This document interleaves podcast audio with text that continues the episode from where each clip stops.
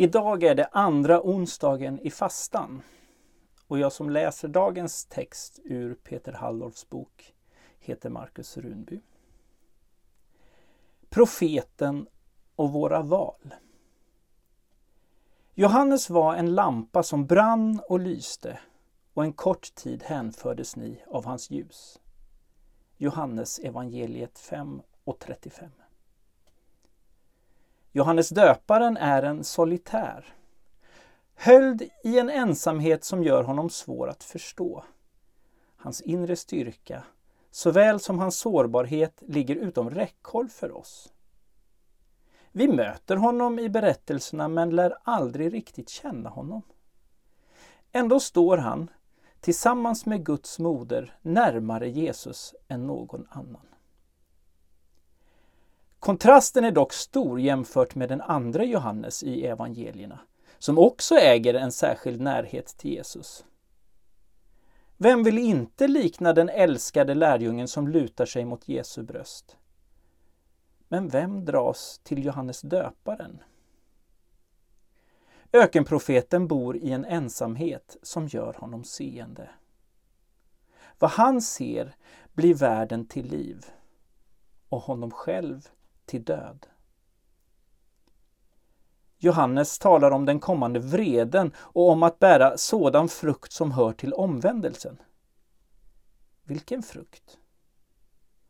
Döparen svarar med en uppmaning till en social rättvisa som börjar i garderoben och i skafferiet. Den som har två skjortor ska dela med sig åt den som ingen har och den som har bröd ska göra på samma sätt. Han avvisar varje form av ocker. Driv inte in mer än vad som är fastställt. Han varnar för ekonomiska synder och en aggressiv indrivning av skulder. Pressa inte av någon pengar med våld eller hot. Han uppmuntrar till askes och förnöjsamhet. Nöj er med er såld. Johannes döparens profetiska vision är ett samhälle där ojämlikheterna är utplånade. Varje klyfta ska fyllas, varje berg och höjd sänkas. Genom profeterna påminns vi om att historien inte är en arena utlämnad åt förtryckare och galningar att terrorisera.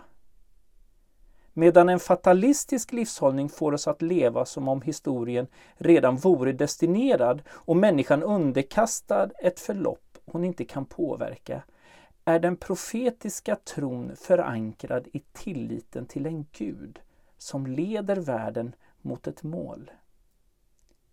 Men inte så att det är likgiltigt vilka val vi gör.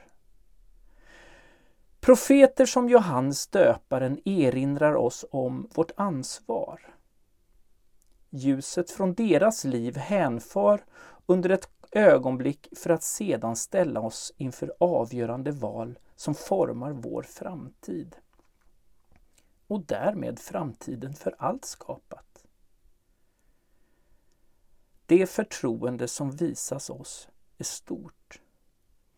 Om vi lämnar oss själva i Guds hand nu, det yttersta valet, formar vi en annorlunda värld senare. Vi ber tillsammans. Barmhärtige Gud, låt vår fasta ge oss givmilda hjärtan så att vi delar vårt bröd med den hungrande, välkomnar, välkomnar främlingen och inte heller glömmer dem som finns oss nära. Amen.